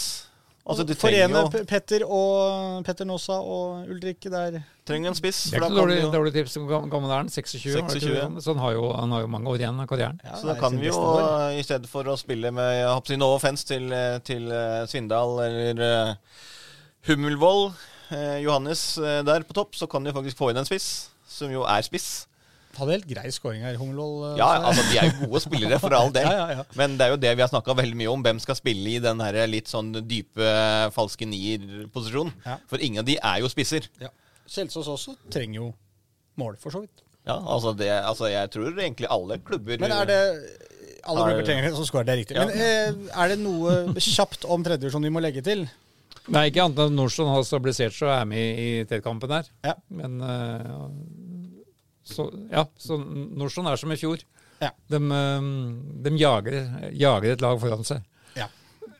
Det gjør vel Frigg også. Lyseklosser har jo alle sine kamper. Ja, så det, er litt synd. Så, så det er jo litt synd for, for Frigg. Frigg er jo seks poeng bak uh, Lysekloster, som jo har vunnet alle sine kamper. Så vi, vi får jo se hvordan, uh, hvordan det går. Men, uh, og det samme er det jo med uh, Nordstrand, da, som jo har Follo og, og Skjervøy eh, foran seg på, på tabellen. Eh, Der er det litt mer eh, Ja, det er, er Follo og Skjervøy som har meldt seg ut. Men nei, som har meldt seg ut, som har eh, skilt seg ut. Men der har Nordstrand Skjervøy i neste match. Ja. Altså neste seriematch, vel å merke. 27. Og, med formkurven til Nordstrand ligner veldig på fjorårets. Ja. Den, de, de skal være med den opprykkskampen der. Når er det, Har du lunga dere nå kjapt Nordstrands neste? 27. mai, Nordstrand Skjervøy. På Det var det du sa, ja. ja. kunstgress. 13.30 Ja. Ja. på Nordstrand. ja. Det ble sagt. Beklager. Og skeive er fra Nord- Nord-Norge, vi, skal, ikke bevege oss på hvor, hvor i Nord-Norge. Det har vi gitt opp. Hvilken Ja, farge er det på det- Svart og grønt, eller? Nei, finnes nesten. Vi får se. Ja, vi får Vi får se. Det blir spennende å se når vi skal se den Hvilke farger er på Nordstrand? Nordstrand, hvit og blå. Ja. Det har alltid vært. Så er det vel det ene det andre laget vi har der som jo ikke er annet lag, er vel uh, Oppsal, som jo har uh, De er blå og hvite. Eh, veldig mye av det samme som i fjor på Oppsal. Kom liksom ikke helt i gang. Nå var det sist 2-2 mot eh, Skeid-rekruttene. Sju poeng.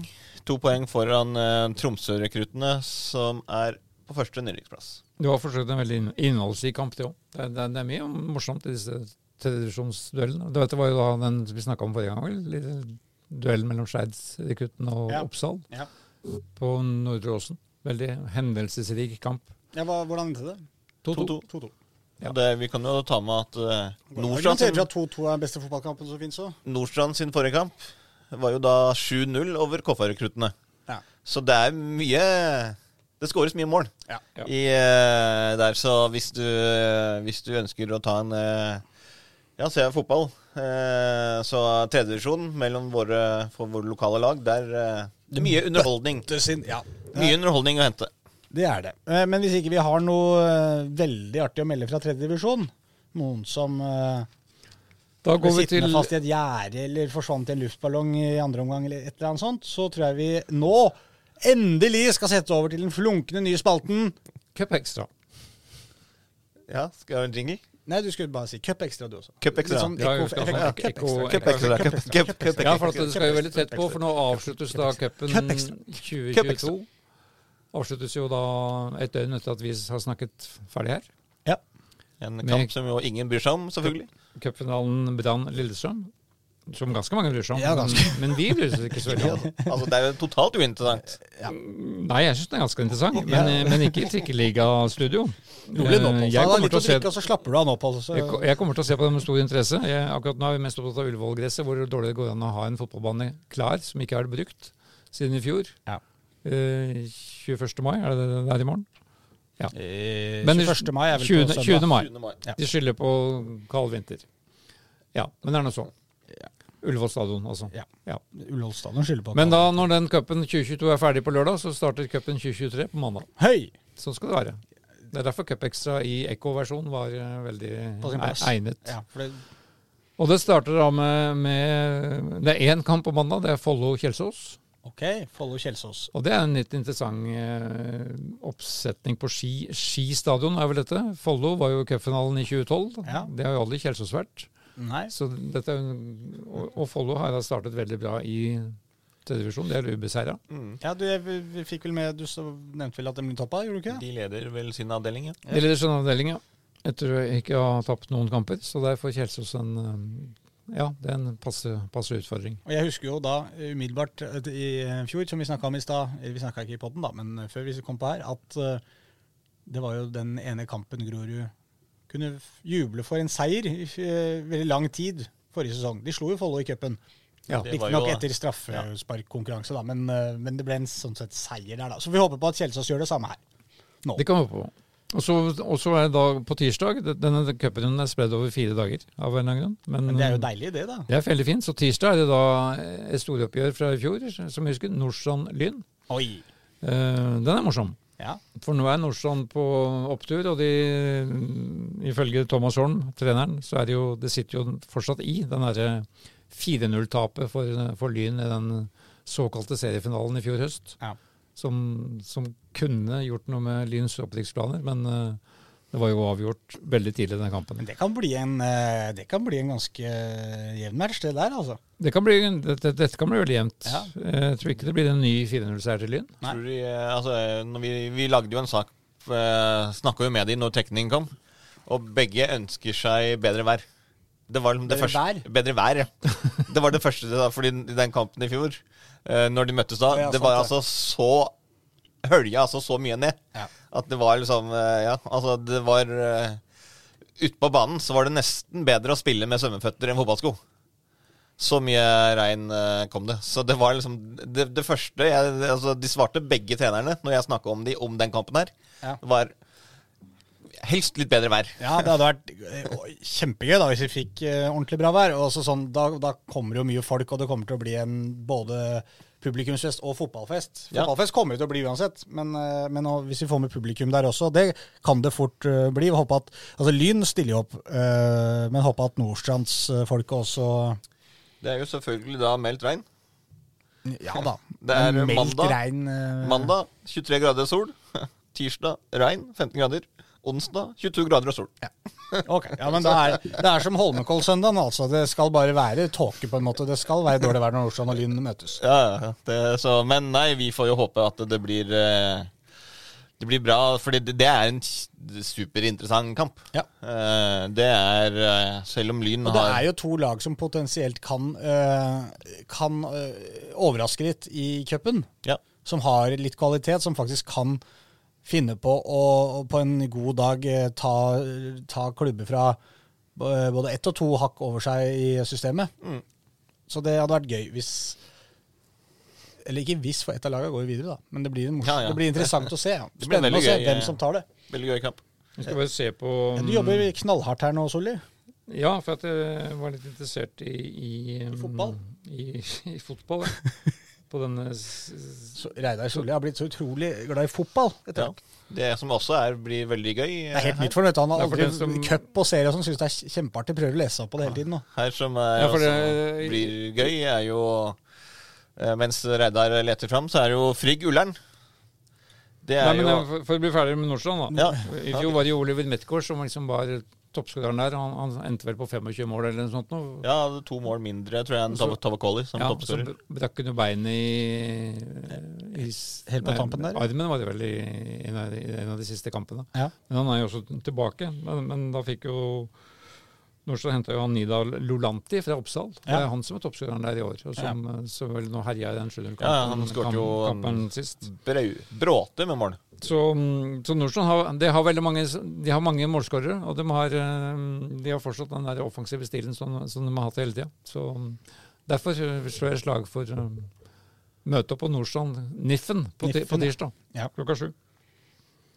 Det, det, var, det, det, var, det var Lolanti jeg måtte finne fram til her. Ja. Lulanti var svaret.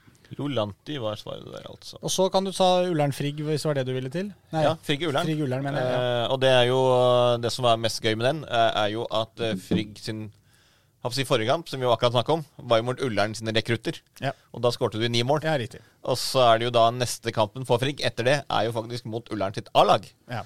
Så her lukter det revansje. Så det blir jo spennende å se om de greier å skåre ni mål til. Ja. Men den også er jo et, et andredivisjonslag med ett poeng mot et Frigg-lag som bare bøtter inn. Ja, ja, der er det ikke noe Skal jeg sette odds der, så tror jeg fader meg hadde satt at Frigg var litt ørlitfavoritt. Ja, altså. Altså, jeg hadde, jeg hadde ikke vedda imot at Ulrik Ferd skårer fem i mål. Du hadde ikke vedda imot at Nei. Ulrik Felix skårer fem mål. Den er grei. Nei. Ja. Jeg, jeg tror ikke det, Denne kampen spilles på onsdag, og det er på Tørteberg klokka, klokka sju. Så onsdag er liksom hovedkvelden her, da. Og ja, Frigg Ullern, den jeg er enig i. Jeg ville også satt hjemmeseier der. Skeid, som eh, vi håper kanskje får en opptur mot Mjøndalen nå eh, på søndag. De skal jo til Holmlia. Ja, det er gøy. Um, Det er også på onsdag. det er også på onsdag, hvor de da um, Holmlia starta veldig bra. De, altså Det er jo fjerdedivisjonslag vi snakker om. Ja. De starta bra, men de har tapt nå sine to siste, så jeg. Mot Grei blant annet, og nå et sist nå i helga. Det er jo deres gamle bekk og landslagsspiller, Haiter Alesami, som trener Holmlia. Mm. Um, så det Det ligger litt sånn prestisje i den matchen der. Jeg, Ja. jeg, mener, jeg, mener de har møtt hverandre før, men, uh, men, um, men både de som er på benken og banen og, i, i begge lag, og et Skeid på Hvis det viser seg at de er på litt sånn Vikende front? Skjelvende bein? uh, Gumener? Gumener. ja, så um, selv om Holmlia som sagt ikke har hatt en sesong som de hadde forventa så langt, fordi Holmlia har jo formål om å rykke opp til trea. Ja, de har vel hatt det noen sesonger, tror jeg. Ja, ja, det er ikke så lenge siden de var der. Nei, riktig. Så, så Jeg var, og og der, der eh, kan det også bli et veldig trøkk, faktisk, på, på banen på Holmlia der. Ja da. Jeg var der og så Holmlia mot uh, Stabæk i cupen for noen år siden. Ja. Da var det veldig mye folk og kjempestemning på matchen. Så, ja. Og det blir jo, blir jo litt mer eh, sydlandsk stemning òg. Det er trommer og, og samba på tribunen, liksom. Men det blir bra kok, altså. Det blir bra kok. Så det er morsomt. På Lusetjern. Ja. Det er jo ikke, ikke sant? Det er jo ikke, det er jo ikke mitt favorittlag, akkurat Holmlia. Det er jo rivalen for min del, ikke sant? rett ned gata fra Mortensrud. Selvfølgelig. Ja. Så det er jo mer Det er fienden, det, vet du. Ok. Ja. Uh, på vestkanten så er det da Heming mot uh, Strømsgodset. Heming er jo også dette laget som vi hadde en viss omtale av i fjor, i fjerde divisjon, men som, eh, som også hadde store ambisjoner med å rykke opp i tredje divisjon. Men de har også starta middels i år. Ja. Så da vil jeg tro at Jørgen Isnes menn eh, er store favoritter på Hemingbanen på onsdag. Isnes tilbake til Oslo-fotballen. Ja. Ja, kanskje ikke det ja. Grorud skal til Skjet- Grorud skal til Skjetten. Bortekamp der. Skjetten har heller ikke vært all verden. Så dette er en kamp Grorud skal fikse. Skjetten er svarte og grønne, er ikke det? Ja. Det er riktig. Eller hvite og grønne. Nei, det er HamKam. Det det. Ja. det er bare HamKam. K5 skal til Hønefoss. HBK. Først på ballen, Og dette er jo kamper, eh, kamper våre bortelag der skal vinne, da. Mens uh, siste Oslo-lag den onsdagen er Lokomotiv Oslo, som skal ha hjemmekamp mot Ullkisa. Da må vi finne ut hvor den kampen går, for eh, Lokomotiv Oslo har vel spilt på par-tre hjemmebaner i år. De har spilt både på NIH, hvor de egentlig hører til, og de har spilt på Tørteberg. Jeg lurer på også om de har spilt på Frogner. Men eh, Ja, de, ja, de hvis de finner ut hvor de skal se billig igjen på onsdag, så, skal ut så skal vi finne ut av det nå, sånn at vi får gleidet massene til riktig arena. For det er vi veldig opptatt av. At folk går rett. Den her står eh, oppført som? Frogner kunstgress Frogner stadion, ja. ja. Men det er jo Står det oppført her. litt morsomt. på NFF sine hjemmesider. Ja. Der var jeg og så de når de møtte Lyn. Ja. den, når, når det ble banestorming på overtid, når Ibba Lajab eh, skårte eh, på overtid. Så det var gøy. Ja. Så det var forrige gang jeg var på Frogner kunstgress, og det tror jeg også var forrige gang Lukki var der. Så de har gode, gode minner derfra. der. Ja, de, ja, det vil jeg tro de er. De har gode minner, derfra. Ja. Men det er jo en eh, herlig eh, cupuke da, som kommer. Veldig fin meny, og den avsluttes da på torsdag med kanskje det laget som flest bryr seg om av våre ryttere, Vålerengen, som skal til Råde.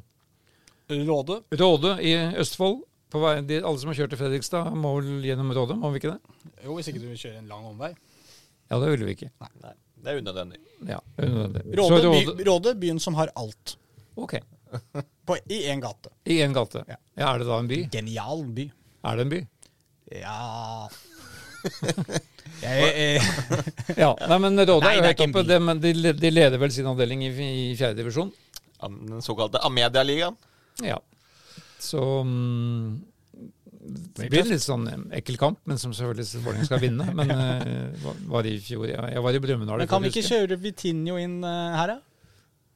Altså, det kan vi. Jo, hvis det er noe poeng, så kan de gjøre det. Ja, er ikke Hvor- det Hvorfor poeng, skal de gjøre det? Bare for å få kjenne på A-lagsspill. Liksom, hvis, Ja, men- hvis han aldri får spille, så blir det ikke så teit liksom, at jenta. Han fikk Nei, i hvert fall en jeg- cupkamp mot Jeg Råde. tror nok denne, jeg tror han er litt opptatt av den, Han har snakka om denne kontinuiteten i ukevis, Fagermo. Nå har han begynt jo kamp i helga. Så jeg tror han vil, ja. tror ikke han vil endre så mye. Kan hende han får lov til å sitte på benken. Ja. ja. Vær litt forsiktig, da. Vær litt forsiktig der. Ikke sant? Møter de svære bøndene fra Råde som kommer til å sklitakle hardt som bare rakkeren, altså. Må ikke sende ut på de skjøreste, beste spillerne da. Råde burde jo for så vidt eh, Det hadde vært mye bedre for Råde hvis de spilte borte. For de har fire strake seire, 22-3 i målforskjell på bortebane.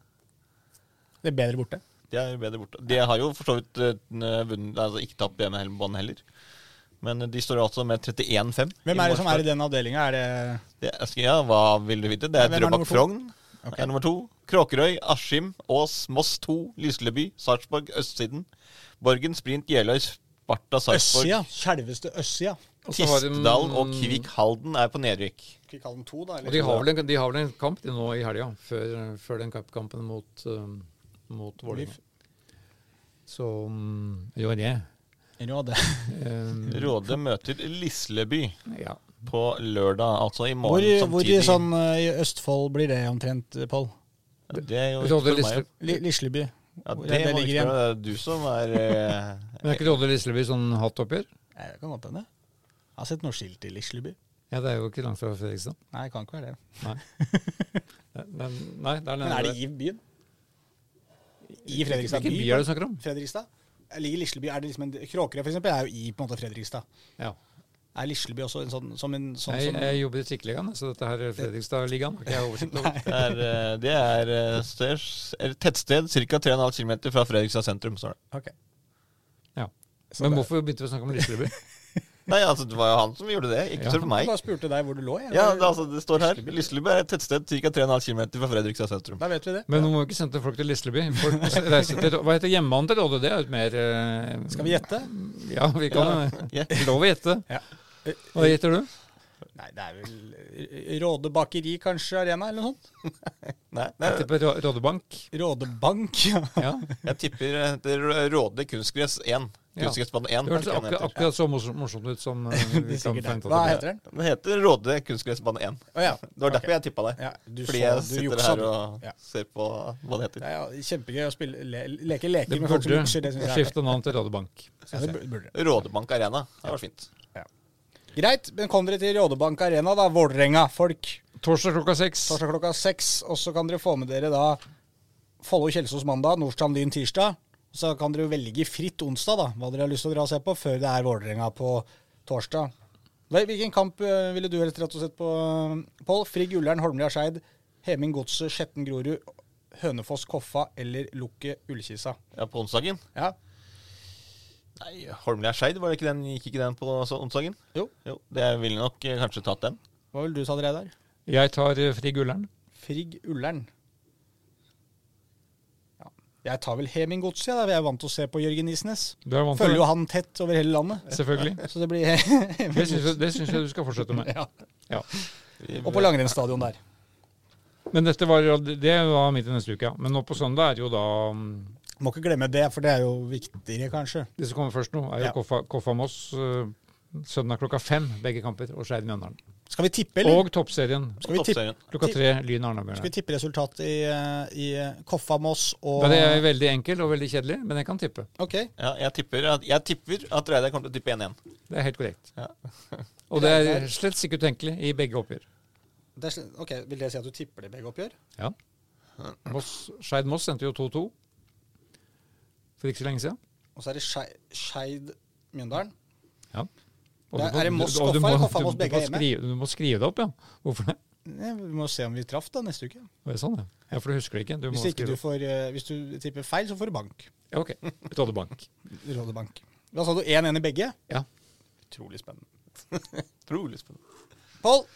Jeg tipper eh, knepen eh, 1-0-seier til Skeid over Mjøndalen. 1-0 Skeid Mjøndalen. Det blir det jo ikke. Nei, det blir jo ikke det. Det blir mye mer mål. Jeg skjønner ikke dere 1-1 og 1-0 og sånn. Ja ja. Koffa Ja, jeg tipper eh, 2-0. 2-0 til Koffa Moss. Ja, ja, ja. Ok. Jeg tipper Koffa Moss 2-2. Måtte tenke litt. Jeg hadde ikke gjort meg opp noen mening her.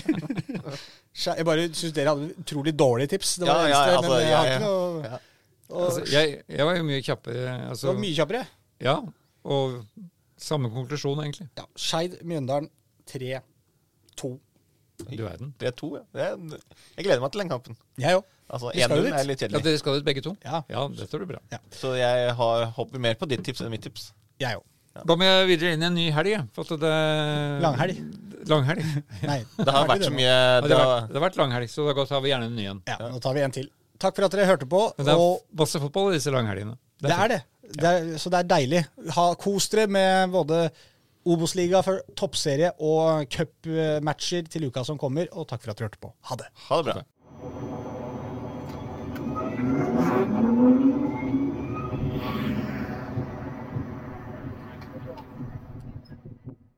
Du har hørt en podkast fra Dagsavisen. Ansvarlig redaktør heter Andreas Heen Haaland Karlsen.